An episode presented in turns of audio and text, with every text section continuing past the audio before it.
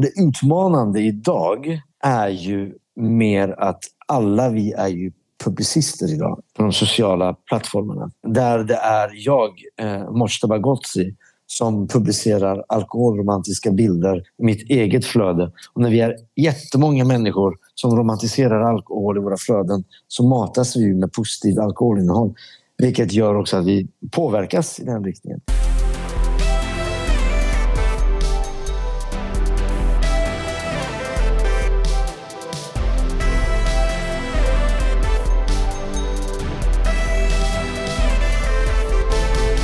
Du lyssnar på Gin-podden, Sveriges första och största renodlade podd om gin. Jag heter Joakim Lundin och med mig här idag har jag Mojtaba Ghodsi från IQ. Ett fristående dotterbolag till Systembolaget som arbetar mot visionen om ett samhälle där alkoholdrycker njuts med omsorg. Varmt välkommen! Tack snälla, tack snälla. Tack! Vad är IQ för någonting? Alltså IQ är då, som du var inne på, eh fristående dotterbolag till Systembolaget. Vi har funnits sedan 2005. Eh, och jag måste säga att IQ har varit och är en framgångssaga. Alltså initiativet eh, kickade igång en gång i tiden för att Systembolaget har ju som bekant två uppdrag. Det är att sälja alkohol och det är att informera om alkohol. Man insåg att här, genom IQ, skulle vi kunna eh, egentligen eh, prata om alkohol och alkoholens baksidor. Framgångssaga började jag med och just för att vi har ju nu snart 20 år efter initiativet kickade igång IQ som bolag så har vi ju i vår målgrupp superhögt förtroende, enormt gillande, vilket gör att vi också då, det är då eh, grundläggande för att vi ska kunna nå fram med våra budskap. Och som du var inne på, vi finns till för att hjälpa unga att må bättre genom smartare alkoholvanor. Vår målgrupp är unga vuxna och vi jobbar helt enkelt väldigt mycket för att dels eh, senare lägga debutåldern för alkoholkonsumtion och att försöka få ner topparna. Vi vill att unga ska göra medvetna val. Vi vill att riskerna för alkohol, att man skadar sig själv eller andra att omkring sig ska minska såklart. Det är lite grann om IQ. Smartare alkoholvanor och ifrågasätta eh, gängse normer kring alkohol. För att vi ska dricka smartare. Perfekt, bra start. Och din roll då? Vad gör du för någonting på IQ? Vad har du för bakgrund? Jag är då VD på IQ. Jag har varit VD här på IQ sedan eh, september. Eh, och min bakgrund är att jag kommer ifrån, vad ska man säga, kommunikationshållet. Jag har jobbat Eh, med kommunikation i olika kapaciteter egentligen tidigare. Jag hade början någonstans, drömmar om att bli diplomat en gång i tiden och började jobba lite grann på regeringskansliet som tjänsteman och eh, blev intresserad och nyfiken på politisk kommunikation och den vägen blev lite konsult och jobbade för olika företag och insåg någonstans att det jag brinner för det är ju samhällsfrågor, viktiga samhällsfrågor och kommunikation kring dessa. Och just alkohol och hur vi konsumerar alkohol och eh, effekten av alkohol. Det är en sån samhällsfråga som jag tycker är superintressant och kul och viktigt att jobba med helt enkelt. Om man tänker så här, när du började på IQ, vad var det med den här typen av frågor som började engagera dig? Vad var det som du kände att ah, men IQ det är något för mig, det här, det här går jag igång på? Det var andra gången jag sökte det här jobbet. Och jag vet att det första gången jag sökte, men även andra, det som alkohol har alltid varit någonting som jag tycker har varit kul, intressant utifrån ett kulturellt perspektiv. Jag är själv född i Iran, mina föräldrar är från Iran såklart och de har ju en helt annan inställning till alkohol och alkoholnormer som jag växte upp med i Sverige har varit väldigt annorlunda för dem. Så jag har alltid mötts av det här. Min mamma varje gång jag var tonåring gick ut och skulle dricka öl med mina kompisar. Och jag sa, men varför ska du inte dricka öl varje gång? Kan du dricka te? det här mötet mellan eh, det, mina föräldrars kultur och hur jag växte upp. Och de skillnaderna har alltid varit något som gjort mig nyfiken och, inte, och tyckte det varit intressant. Och just det här med hur självklart alkohol alltid är i olika sociala sammanhang i Sverige. Eh, man tar det så mycket för givet. Det har alltid intresserat mig. Och sen har alkohol varit intressant tycker jag för min del utifrån ett väldigt så här, populärkulturellt perspektiv man kan ju notera, framförallt när jag väl började på IQ, också så här, att man, kulturen, om man tittar på populärkulturen, har alltid varit otroligt bra och viktig när det kommer till att ifrågasätta normer. Ifrågasätta allt ifrån äh, machonormer till sexnormer till you name it, äh, rökning. Men just kring alkohol har man varit otroligt... Äh, där har ingen någonsin vågat egentligen utmana de alkoholnormerna i populärkulturen. Jag tycker det är intressant hur för det visar ju liksom vilken roll alkohol spelar i vår kultur. Att inte ens konstnärer och konsten riktigt vågar ifrågasätta alkoholnormerna och inte populärkulturen heller. För. Så på så sätt närmar jag mig alkoholfrågan. Ja, och nu kommer du in på någonting som jag också tycker är intressant och spännande. Jag menar, jag driver en ginpodd. Jag har haft 80 avsnitt där jag pratar om gin och man kan ju lätt ty tycka att det är liksom så här äh, alkoholromantik och det är därför jag tycker det är så himla spännande att få prata med dig också. För jag tycker att det är viktigt att man problematiserar saker och ting också. Att, ja, men jag vet inte, det kan ju vara så att det är någon av mina lyssnare som faktiskt har kanske behov av den här typen av information också. Absolut. Jag tror att det är ju... Jag tänker att eh, din podd är ju också eh, såklart, det finns ett ansvar och det är bra att du tar ansvar tycker jag och tar upp de här frågorna. Eh, just när man pratar mycket om alkohol, det är rätt att det blir romantiskt, självklart.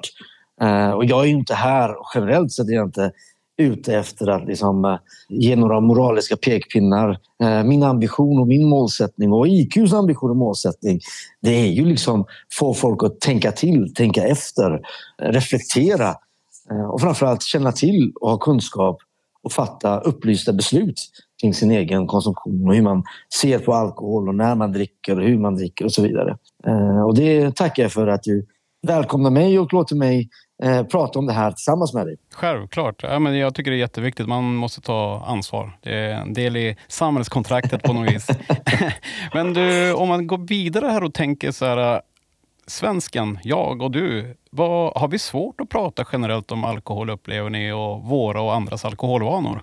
Jag tror att det som är ofta som vi märker är ju att när vi närmar oss dig och dina alkoholvanor så märker vi att ja, det är lite mer kontroversiellt än om vi till exempel pratar om din närstående, din kompis, din partner, din kollegas alkoholvanor. Då har vi oftast lättare till exempel att eh, prata om de här frågorna. Generellt sett så jag, inte, jag kan inte jämföra med så många andra länder kanske när det kommer till om det är lätt eller inte. Men jag tror att det är lite kanske att prata om mina alkoholvanor. Det är lite grann som att prata om min lön eller vad jag står politiskt eventuellt. Det blir väldigt privat eh, eventuellt för många, inte alla.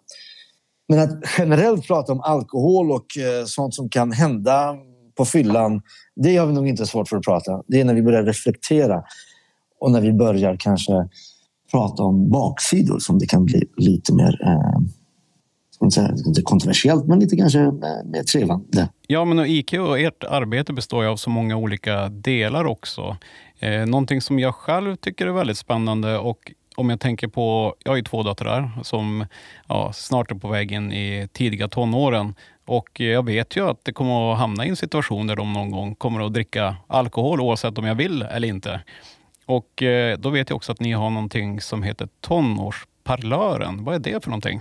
Alltså Tonårsparlören låter så fantastiskt som en eh, faktisk bok som vi fysiskt skickar ut till ungefär 120 000 föräldrar eh, med barn som i år då fyller eh, 14.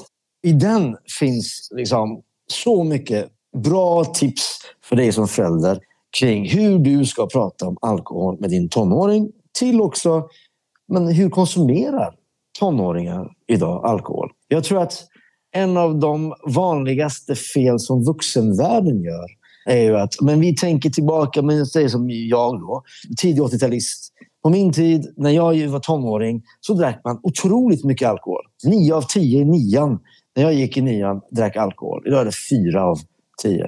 Men vi tror fortfarande att tonåringar dricker på så sätt som vi själva drack när vi var i den åldern. Mm. Och så är det ju inte. Och vi projicerar så att säga vår syn och vår bild kring alkohol på våra barn. Och det som är bra i den här boken den visar ju att ja, men det är annorlunda idag. Eh, det är inte lika självklart med alkohol eh, när man går i nian. Det är inte lika självklart med alkohol eh, när man går i gymnasiet. Det är stor förändring. Vi vet exempelvis att 15 år sedan benägenheten till festa var mycket större än vad det är idag. Bildsynen på att kunna, vi frågar exempelvis här, kan du tänka dig att leva utan alkohol ett helt år? För 15 år sedan var det eh, 85 procent som absolut inte kunde tänka sig. Idag är siffran kanske mer på 45 procent. Så det är ett stort skifte och det måste man ha med sig tycker jag. När man pratar med sin eh, tonåring bland annat.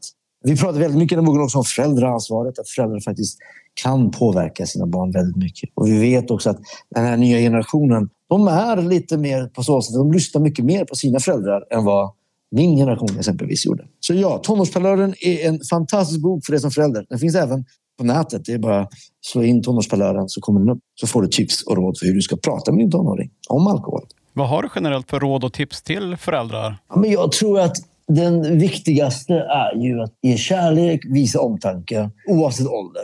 Visa att man finns där. Eh, om man är orolig för något, berätta varför. Man måste visa intresse, man måste lyssna. Man måste bygga på en bra relation Eh, som, är för, som bygger på förtroende. Egentligen. För att när du har en relation som bygger på förtroende, då kommer din tonåring till dig. Man måste vara förebild, det är jätteviktigt. Eh, och man måste inse att barn faktiskt lyssnar på vad vuxna säger och de tittar på vad vuxna gör. Och när det kommer till alkohol, men det är ju, det är ju bara att titta på sig själv. Hur, hur dricker du? Hur beter du dig till exempel? Det är jätteviktigt. Eh, det är jätteviktigt att man som förälder också vågar vara tydlig. Vågar sätta gränser. Tydlighet med förväntan. Så att din, ditt barn, din tonåring, vet vad du står och vad som gäller. Och sen så måste man komma ihåg, det, det behöver man alltid också ha med sig. Det är liksom att bjud inte på alkohol och köp inte ut. Det är lätt att man som förälder tänker, jag vet inte, man tänker, det jag brukar få höra att man tänker, men är det inte bättre om man under kontrollerade former dricker med sin tonåring så att, de liksom, så att man vet vad som händer. Men forskningen säger ju väldigt tydligt att eh, ju senare alkoholdebut, desto bättre utifrån långsiktiga skador relaterat till alkohol och alkoholberoende. Så att förskjuta alkoholdebuten är viktigt. och då ska du inte bjuda din tonåring på alkohol egentligen. Det är fel väg. Dessutom så blir det otydligt med gränserna. Du ska inte köpa ut och jag vet att det är väldigt många föräldrar som tänker att det är bättre att jag köper ut min tonåring än om min tonåring eh, köper av någon skum människa på nätet. Liksom. Men vi vet samtidigt att Eh, när vi frågar tonåringar själva de har inte så många andra ställen att vända sig till eh, oftast. Det enda vi vet är att när du bjuder din tonåring och du köper ut din tonåring, då blir, blir det liksom att om flera kompisars föräldrar gör det, då blir det mer och mer alkohol som de får tillgång till. Min mamma, hon var ju sån exempelvis. Jag kommer ihåg när jag själv började dricka där någon gång, slutet av högstadiet, början av gymnasiet. Hon tänkte precis så. Det är bättre jag köper ut till Morstaba. Det bidrog ju bara till att det blev mer alkohol på våra fester och något kontraproduktivt. Men det är samtidigt inte lätt att vara förälder. Man gör fel. Och det är som att ett sätt att komma runt det, det är liksom att men, ha tydliga regler. Bland annat då att inte köpa ut helt enkelt. Mm. Och tidigt när vi började prata här så nämnde du riskbeteende. Jag vet ju att ni har en kampanj som är rätt ny där ni pratar om just riskbeteende. Vill du berätta om den? Alltså det senaste kampanj vi har haft är ju alkoholsnacket. Alltså så här, eh, ett riskbeteende kopplat till alkohol. Så här, vad är det för någonting? Vet man ibland också blandar ihop det med kanske riskbruk. När, när, jag, när jag säger riskbeteende kopplat till alkohol, det är ju när alkoholen får en så pass central roll i ens liv eh, på bekostnad kanske av andra viktiga saker. Eh, och man kanske har ett dryckesbeteende som gör att man fortsätter dricka trots att alkohol leder till sämre hälsa eller fysiskt eller psykiskt påverkar dig väldigt mycket. Och det, är, det, är, det är ju en sak och sen är det riskbruk.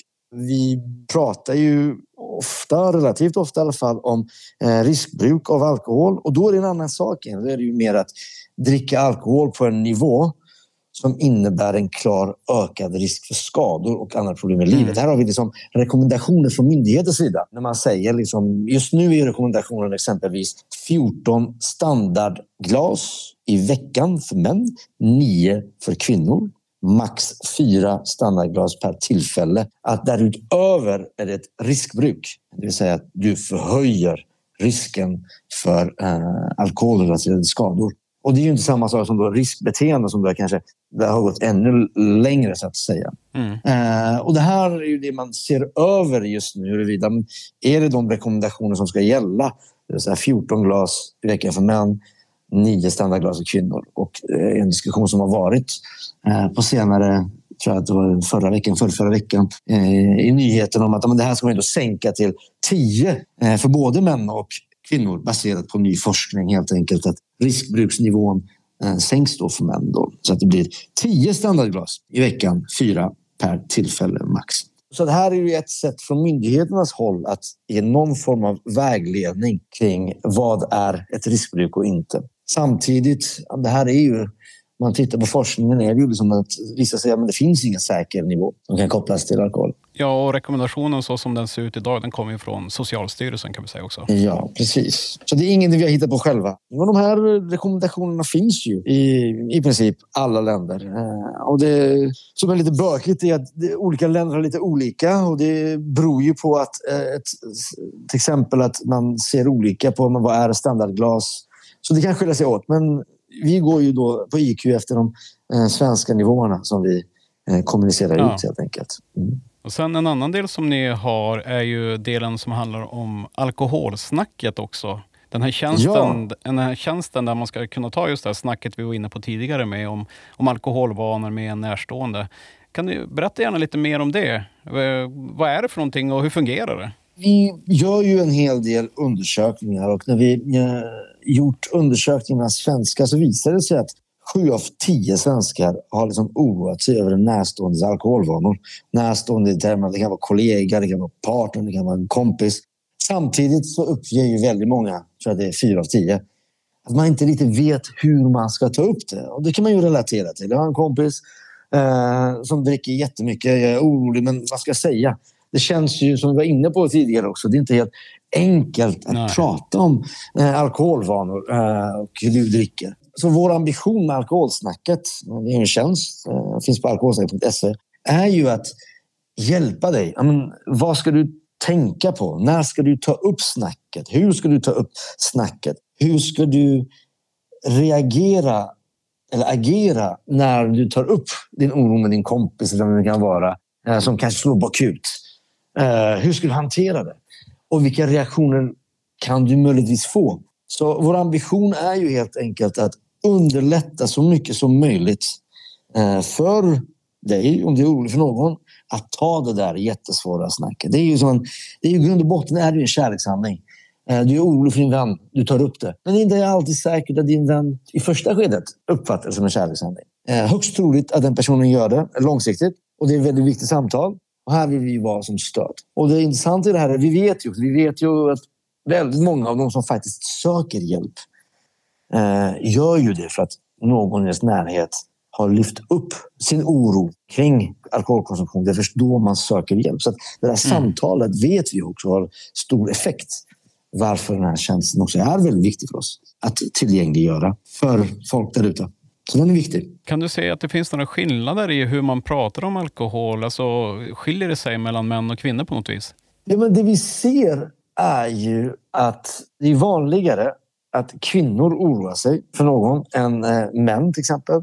Vi ser också att män kanske tycker att det är lite lättare att ta snacket än kvinnor. Så där finns det lite skillnader när det kommer till de olika könen. Att kvinnor eh, i större utsträckning eh, vill ta snacket till exempel och upplever behovet eh, och är kanske också i större utsträckning till exempel oroade för sin partner och deras drickande. Så här finns det lite skillnader mellan könen, det gör det absolut. Vad tycker du är sommarens bästa törstsläckare i dina ögon? Oh, alltså jag är ju väldigt svag för läsk och jag gillar ju lemonad av olika slag väldigt mycket. Det tycker jag är det absolut bästa. Törstsläckaren i min värld. Sen så har du en gympodd så jag tänker att eh, du kanske vill att jag ska välja någon eh, drink. Nej, det behöver du inte göra. Det behöver du inte göra. jag är faktiskt en gammal bartender dessutom. Och jag kan säga att om jag skulle göra en drink av något slag ja. så skulle jag kanske välja en Negroni. Eftersom vi är ändå i gynpodden så kan jag väl bjuda på en eh, gindrink eh, där. Men framför allt, jag älskar lemonad. Det är det jag dricker för att släcka törsten och tycker det är allra godaste. Är det någon speciell, är det någon speciell eh, bas på lemonaden? Ska det vara citron eller vad, vad gillar du? 100% eh, citron och gärna mynta och en hel del sockerlag, eh, tycker jag. Eh, och gärna bubbelvatten till. Eh, tycker jag blir väldigt, väldigt, väldigt gott. Någonting som jag tycker är särskilt spännande det är också att IQ visar sig vara väldigt moderna och vara där målgruppen är. Så ni gör ju faktiskt Sveriges första dramaserie på TikTok. Vill du berätta lite grann om den kanske? Ja, så att precis som du är inne på. Eh, vi kommer att lansera en helt ny ungdomsserie på TikTok. Vi blir de första, i alla fall i Sverige, kanske globalt, som gör en serie som lanseras på TikTok. Den kommer att heta Ruset. Det är en serie om eh, svek, kärlek, Eh, alkohol och drama kring det. Eh, det är i samarbete med en av Sveriges eh, främsta eh, regissörer när det kommer till ungdomsfilm, eh, Rojda eh, som bland annat har gjort Young Royals. Eh, och det här är ju en tycker jag i alla fall, nu är jag lite eh, subjektiv visserligen. det, får vara, det får det vara, det får det vara. Jag lovar. Serie hoppas jag att även målgruppen kommer tycka. Eh, det kommer ju någonstans, idén kring ruset bygger ju på våra insikter kring att ungdomar idag faktiskt dricker och har en dryckeskultur som är annorlunda från tidigare generationer. Vi vet att de dricker mindre. De dricker som avsevärt till och med mindre än eh, min generation. Och vi vet att rent kulturellt att alkohol spelar en annorlunda roll än vad det gjorde på min tid. Det är inte så att man dricker i alla sina kompiskretsar exempelvis. Och det är mycket vanligare att man kanske är, vad ska man säga, eh, sober curious eller damp eh, lifestyle som man lever. Det vill säga att man dricker kanske lite eller ibland ingenting alls. Och framförallt man dricker olika i olika kompiskonstellationer. Det är inte alltid fokus för fest.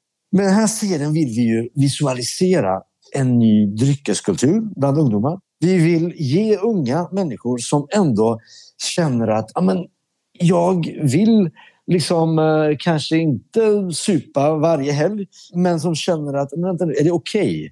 Vi vill ge dem vind i ryggen och säga att det finns andra människor, andra ungdomar som tänker precis som du. Ja. Du är inte ensam. Det finns en trend i samhället som går åt det hållet. Så det här är en serie som vi kommer att spela in här nu om en vecka eller två veckor eh, som kommer att sändas på TikTok. Det är två minuter till fyra minuter per avsnitt. Det kommer bli tio avsnitt och vi vänder oss mot en målgrupp 18 till 30-årsåldern ungefär. Tänker vi skulle kunna vara intresserade av den här serien. Och det kommer bli väldigt bra, är jag säker på. Ja, jättespännande. Vad kul att höra. Och det håller alla utkik efter. Så hösten 2023 kommer den att ha premiär, va? Jajamensan. I oktober. På TikTok. Om vi utgår ifrån att det är norm idag att man förväntas att man ska dricka när man är med på en fest. Mm. Vad skulle du vilja säga till den synen och den typen av norm som finns kring alkohol idag? Nej, men det jag skulle vilja säga så här. Jag tänker att det vilar ju väldigt mycket ansvar tycker jag personligen. Eh, till exempel när det kommer till arbetsgivare. Att i sammanhang när man bjuder eh, till sommarfest eller julfest eller vad det kan vara. Att man faktiskt tänker till kring alla eh, som ska då delta. Det finns ju, många kan ju få för sig och tycka att det är en eh, viktig del att man, för att vara med, att man behöver dricka alkohol. Och jag tror det är väldigt viktigt att man som chef och arbetsgivare faktiskt Eh, Eh, har en tillställning eh, som inte bidrar till den hetsen och framförallt gör det enkelt att jag kan göra det val jag vill göra. Och rent konkret vad jag menar med det är ju jätteviktigt tycker jag att man alltid eh, i samband med jobbfester har alternativ som inte innehåller alkohol och att man presenterar det på samma sätt som alkoholhaltiga drycker. Att man har nedkylda alkoholfri öl exempelvis eh, och inte bara nedkyld öl som innehåller alkohol. Att man eh, som chef föregår med gott exempel. Att man inte är den som bidrar till alkoholhets, alkoholtjat. Det tycker jag är viktigt. För jag tror att det är vad vi ser framför oss tror jag, med en ny generation som dessutom kommer ut på arbetsmarknaden är ju en ny generation som faktiskt ser på alkohol delvis på ett annorlunda sätt än min egen generation. Och för att de ska känna sig välkomna, för att du ska vara en attraktiv arbetsgivare, så tror jag det är väldigt viktigt att man även tänker att det finns människor som faktiskt gör annan val eh, när det kommer till alkohol. Att man underlättar och eh, inte stigmatiserar ett annat beteende när det kommer till alkohol. Men det kan även vara i andra sammanhang. Jag tänker generellt sett finns det ju en norm och det finns i vår kultur och det går tillbaka många många, många år generationer kring högtider exempelvis. Ja. Eh, I samband med jul, julmiddag, när det är på midsommar, midsommarfirande. Och det är ju inte ovanligt att man är på fester och dylikt och att det blir någon form av grupptryck. Jag förstår även, jag tycker ibland att det är såklart svårt att säga nej. Men att vi hjälps åt. Att ja, men vill du dricka, gör du det i så fall. Men att man inte lägger sig i någon annans val. Och här kan jag jämföra med till exempel vegetarianer. Jag kommer ihåg själv när mina eh, vänner eh, för många år sedan började bli vegetarianer. Man kommer själv hela tiden ifrågasätta men varför. Varför äter du inte kött? Man är svårt att relatera till det. Men ja. Att vara vegetarian idag är det mest naturliga som finns. Ingen säger någonting om det. Det är samma sak, en sån resa jag skulle vilja att man, vi gör med alkoholnormer. Att man känner att det spelar ingen roll ifall jag tar ett glas öl nu men sen så dricker jag kanske inte nästa runda när ni andra dricker och så dricker jag igen kanske på femte rundan eller vad det nu kan vara.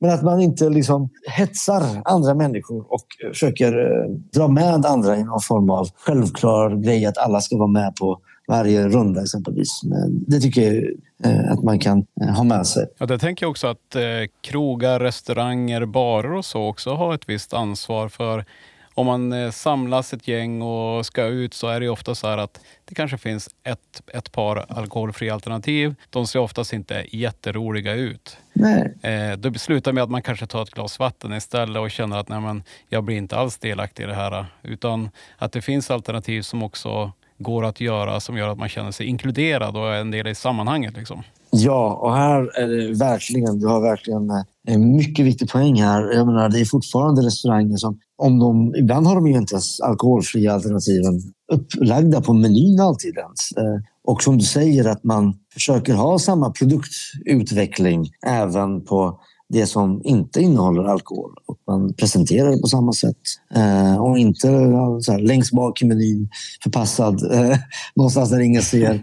Och att man behandlar det på ett professionellt sett även det faktiskt. Och jag tror att det borde, vara, liksom, det borde finnas ett eget intresse för att det vi ser är ju en allt starkare trend kring att man, att man dricker mindre alkohol alkohol. Att man, I och med också att man drick, är, går ut och äter mer ofta generellt sett, att man kanske inte vill eh, dricka vid varje tillfälle hela tiden. Att då är det viktigt även rent kommersiellt för restaurangen att man utvecklar den delen eh, som inte är med alkohol, så att säga. Jag håller helt med och jag trendspanar ju en del rent eh, internationellt också för att se vad som händer inom gin just då ute i världen. Och eh, någonting som jag har sett kommer det är att fler tillverkare börjar komma med någonting som de kallar för lightprodukter. Och då tänker vi mm. direkt så här, aha, det ska vara mindre socker i dem. Men i det här Just fallet det. så är lightprodukterna en lägre alkoholstyrka. Just det. Så att du, får, du, du köper kanske en gin som du brukar köpa en gin. Precis. Men det kommer med en lägre alkoholstyrka. Sen så finns det ju givetvis regler huruvida det får kallas gin eller inte. Mm. Men jag tror ändå att det, det, man är någonting på spåren att man ska kunna njuta. Eh, det ska smaka ungefär likadant fast det blir inte samma ruseffekt kanske. Just det, absolut. Och där kan man ju laborera med även så här, förpackningsstorlek, tänker jag inbillar mig att man har hantverksmässiga eh, ginsorter. Eh, det kan ju vara så att istället för att ha så här jättestora förpackningar, tänker jag, jag tycker att man vill gärna att folk ska smaka på olika varianter. Ja. Kanske man jobbar med små förpackningar eh, som istället möjliggör variation kanske. Jag vet inte. Men det finns många sätt att försöka underlätta i alla fall för människor att göra val som är sunda. Val som underlättar att dricka smartare helt enkelt. Eh, och med större njutning och omsorg. Och där tror jag att eh, man som tillverkare och eh, industri nog har hög förmåga till kreativa lösningar som också hjälper människor i rätt riktning. Faktiskt. Har du något avslutande medskick till lyssnarna idag? Oh! Mitt medskick generellt till sommaren skulle väl vara i så fall att eh, tänka eh, och vara liksom eh, inte den som är alkoholtjataren på midsommarafton som försöker få tvinga in andra till att dricka mer. Låt alla äga sina egna alkoholval och inte tjata. Det tror jag skulle göra väldigt många människor generellt sett glad under sommaren på middagsbord och olika sammanhang. Så det är ett medskick jag skulle vilja eh, kasta med i det här sammanhanget. Bra avslutande ord där. Jag säger stort tack för att du ville vara med i Ginpodden och till dig som lyssnar. Njut måttfullt i sommar, drick vatten och ta hand om varandra. Tack snälla hörru. Tack så jättemycket. Du har lyssnat på mig, Joakim Lundin och Ginpodden. Jag skulle bli superglad ifall du vill eh, dyka in i någon favoritpoddspelare och så sen så ger du mig någon form av betyg. Bra eller dåligt, det bestämmer du. Givetvis blir jag extra glad om det är bra. Och eh, sen om du har några funderingar eller så, så får du gärna höra av dig med tips och dylikt till ginpodden gmail.com. Och om det är så att du vill ha något samarbete eller vill höra av dig med synpunkter och så vidare, så dra ett mejl till ginpodden gmail.com. Sen får du givetvis följa mig i sociala medier också. Framförallt Instagram. Tack för idag. Hej hej!